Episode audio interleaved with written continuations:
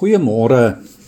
Ek wil dit ver oggend waag om te sê dat elke mens bewustelik of dalk onbewustelik behoefte het aan die seën van God.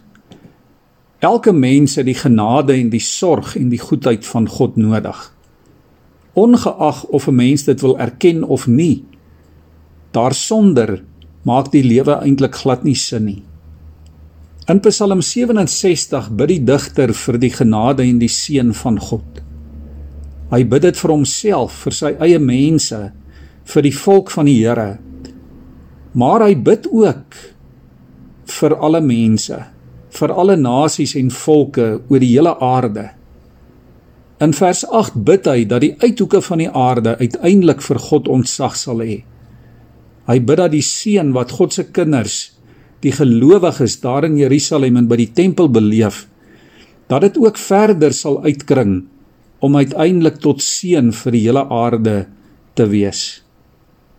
Die nasies en die volke word in hierdie kort Psalm van net 8 verse nie minder nie as 7 keer genoem.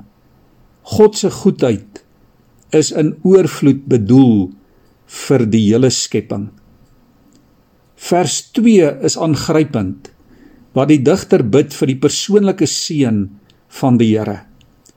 Hy bid: Mag God ons genadig wees en ons seën. Mag hy die lig van sy teenwoordigheid by ons laat skyn. Liewe vriende, dit is die kern van hierdie besondere Psalm. 'n Mens kan nie God se seën beleef sonder sy teenwoordigheid nie. Jy kan dit nie op 'n afstand beleef ver van God en los van sy woord nie. In die lig van sy teenwoordigheid is daar juis genade en verlossing en groei en lewe. En as God teenwoordig is, dan sal die nasies en die volke ook bewus wees daarvan. Want God werk nie in die geheim nie. Waar God werk, sal dit juis sigbaar wees, soos 'n helder lig verander om ook te kan sien. Ons kan so baie leer uit hierdie besondere Psalm. Onder andere om die goeie wat God wil gee ook vir ander toe te wens. Selfs vir ander van wie ons dalk nie baie hou nie.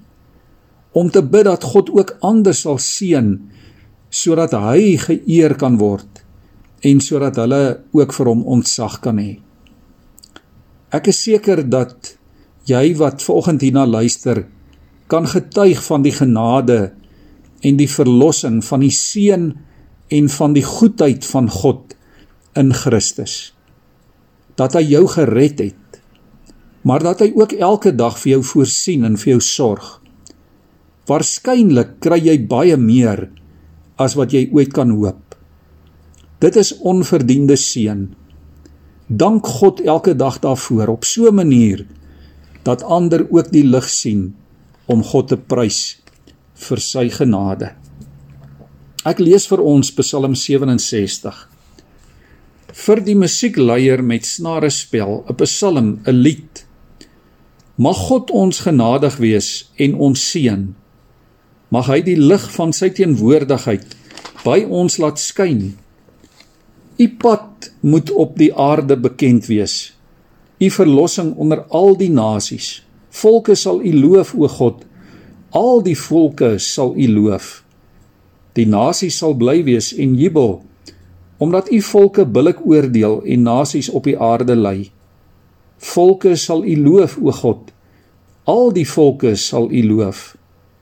Die aarde het sy opbrengs gelewer. God, ons God, seën ons. Mag God ons seën sodat al die uithoeke van die aarde vir hom ontsag kan hê. Kom ons buig vanmôre na die lekker reën van gistermiddag en gisteraand en waar ons soveel rede het om dankbaar te wees oor die seën van die Here in ons lewe, in ons materiële lewe, in die natuur, in die skepping, in ons persoonlike lewe, in ons geestelike lewe is die Here so goed vir ons. Kom ons buig ons hoofde vanmôre voor hom.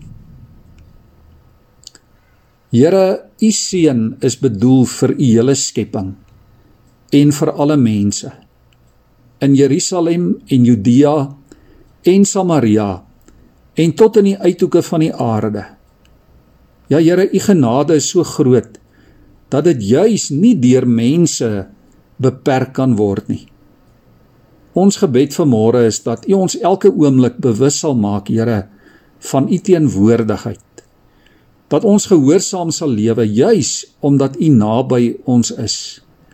Omdat U elke oomblik besig is in hierdie skepping en dat U ons seën. Here, maak mense bewus daarvan dat alles wat goed is net van U afkom en laat mense toenemend die lig van u teenwoordigheid opsoek ook in hierdie dag. Dankie vir hierdie pragtige dag, Here. Dankie vir u seëninge in oorvloed. Maak ons elkeen 'n draer van u lig in hierdie wêreld, ook in hierdie dag. Amen.